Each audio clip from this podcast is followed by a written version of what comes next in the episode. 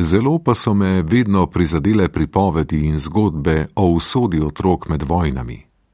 Je pisatelj Tone Partlič zapisal o svojih zgodbah v knjigi Strnišča. Tudi sam je najzgodnejše otroštvo preživel med drugo svetovno vojno. Ko se je končala, je imel komaj pet let. Zbirki devetih črtic iz življenja majhnih in večjih otrok med vojnami bi najraje dodal pod naslov, da se ne pozabi. Prva zgodba Čudež pri Fradlovih 1917 je postavljena v slovensko istro v zadnji zimi pred koncem vojne. Poleg burje mraza in odmevov z bližnje soške fronte sta v skromni družini Matija Fradla vladali odtujenost in tesnoba, saj je hči pred očetom prikrivala nosečnost in naskrivaj rodila v seniku.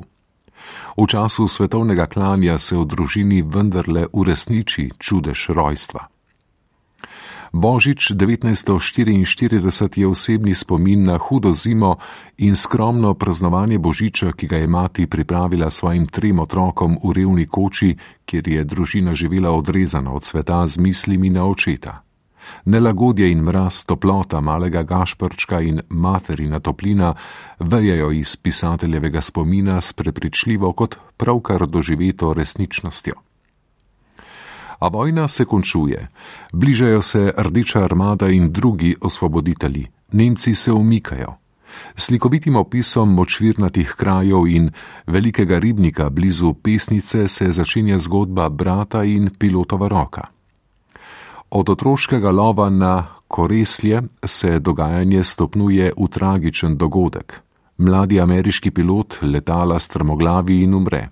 Njegovo odtrgano roko najdeta fanta in si prilastita pilotovi uri, roko pa odvržeta. Njuna nadaljna življenjska zgodba je vsakdanja.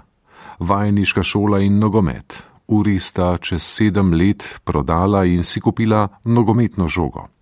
Oba odideta na delo v Nemčijo in kot usodna usporednica pilotove smrti sledi tragični konec. Deček Marjan in mama v Bački je zgodba o nasilju nad devetletnim otrokom, ki ga iz prekmurske vasi rešijo pred mačarskim taboriščem, kjer sta bila zaprta oče in mati, in ga s pomočjo Rdečega križa dodalijo v rejo zapitemu Miju in njegovi surovi ženi na veleposestvo v Bački. Gospodarica nalaga dečku pretežka dela, mu grozi, da ga bo ubila in ga pretepa za vsako malenkost. Več zgodb se dogaja v prelomnem času ob koncu druge svetovne vojne spomladi 1945.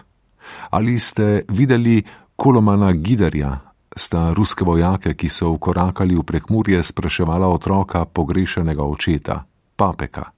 Tudi njegova žena je še v domu za ostarile skoraj verjela, da se bo nekoč res vrnil.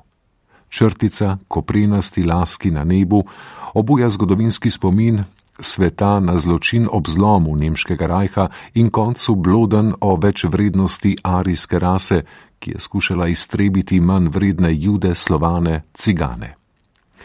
Mnogim se je v spomin zasidralo dejanje Magde Gebels, ki je svoje otroke, stare od 4 do 13 let, najprej omamila, zatem pa zastrupila s cianidom. Starejša turistka iz Nemčije se v pogovoru s pisateljem ob pogledu na dolge zlate pramene oblakov spominja zlatolasih Magdinih hčera, ki ne morejo razumeti, kaj se je zgodilo z njimi in zakaj so morale umreti. Doroteja je življenjska zgodba ene izmed ukradenih otrok, ki so jih med vojno posvojile nemške družine. Materni jezik je pozabila in po vrnitvi v tujo, ji domovino, je umoknila.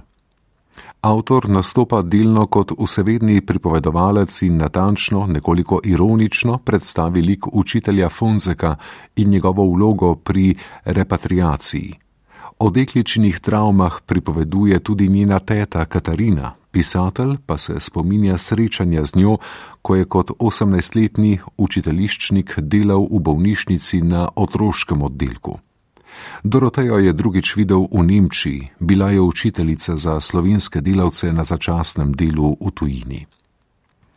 Dvopomenski naslov strnišče je pripoved babice Bice, ki se v starosti, ko se počuti kot požeto strnišče, spominja težke mladosti na koroškem obdržavni meji blizu Globasnice in svojega bivanja v taborišču Šterental strnišče, kjer je bila po vojni po nedolžnem zaprta. Najhujši je bil mlad aktivist, rojen sadist, ki se je nad taboriščniki podlo izživljal tam je umrl njen enoletni sin Ožbej, a njegovega groba ni našla. O pretresljivi zgodbi se avtor zamisli, saj je spoznal, da so otroci najbolj tragične in nesmiselne žrtve vojne. Zgrožen je ob izjavi nekega novinarja, ki je rekel, da so otroci kolateralna škoda vojnih spopadov na Bližnjem vzhodu. Boško in Admira sta se ljubila kot Romeo in Julija, a njuni starši se niso sovražili kot Montegi in Kapoleti. Boško je bil iz srpske družine, Admira pa iz muslimanske, a kljub različni veri jih to pred vojno v Sarajevu ni ločevalo. Bili so prijatelji, veseli njune ljubezni. O njuni ljubezni, smrti in pogrebu pripovedujeta Boškova in Admirina mati, prijateljica Asja in vojak, ki je po noči pomagal nositi trupli čez Miljacko. Tone Partlič v knjigi Strnišča ob svojih spominih iz otroštva izpoveduje svoje življenjske nazore, odklanja vojno in vse vrste nasilja. Obsoja kopičenje denarja in kapitala v rokah mašine, verbalno in fizično nasilje in manipuliranje z zgodovinskimi dejstvi.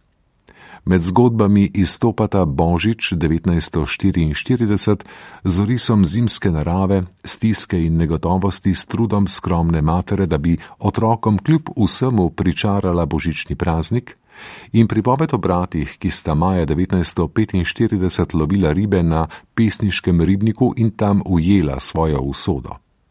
Čeprav so pripovedi realistične, se ponekod spremenijo v lirično izpovednost.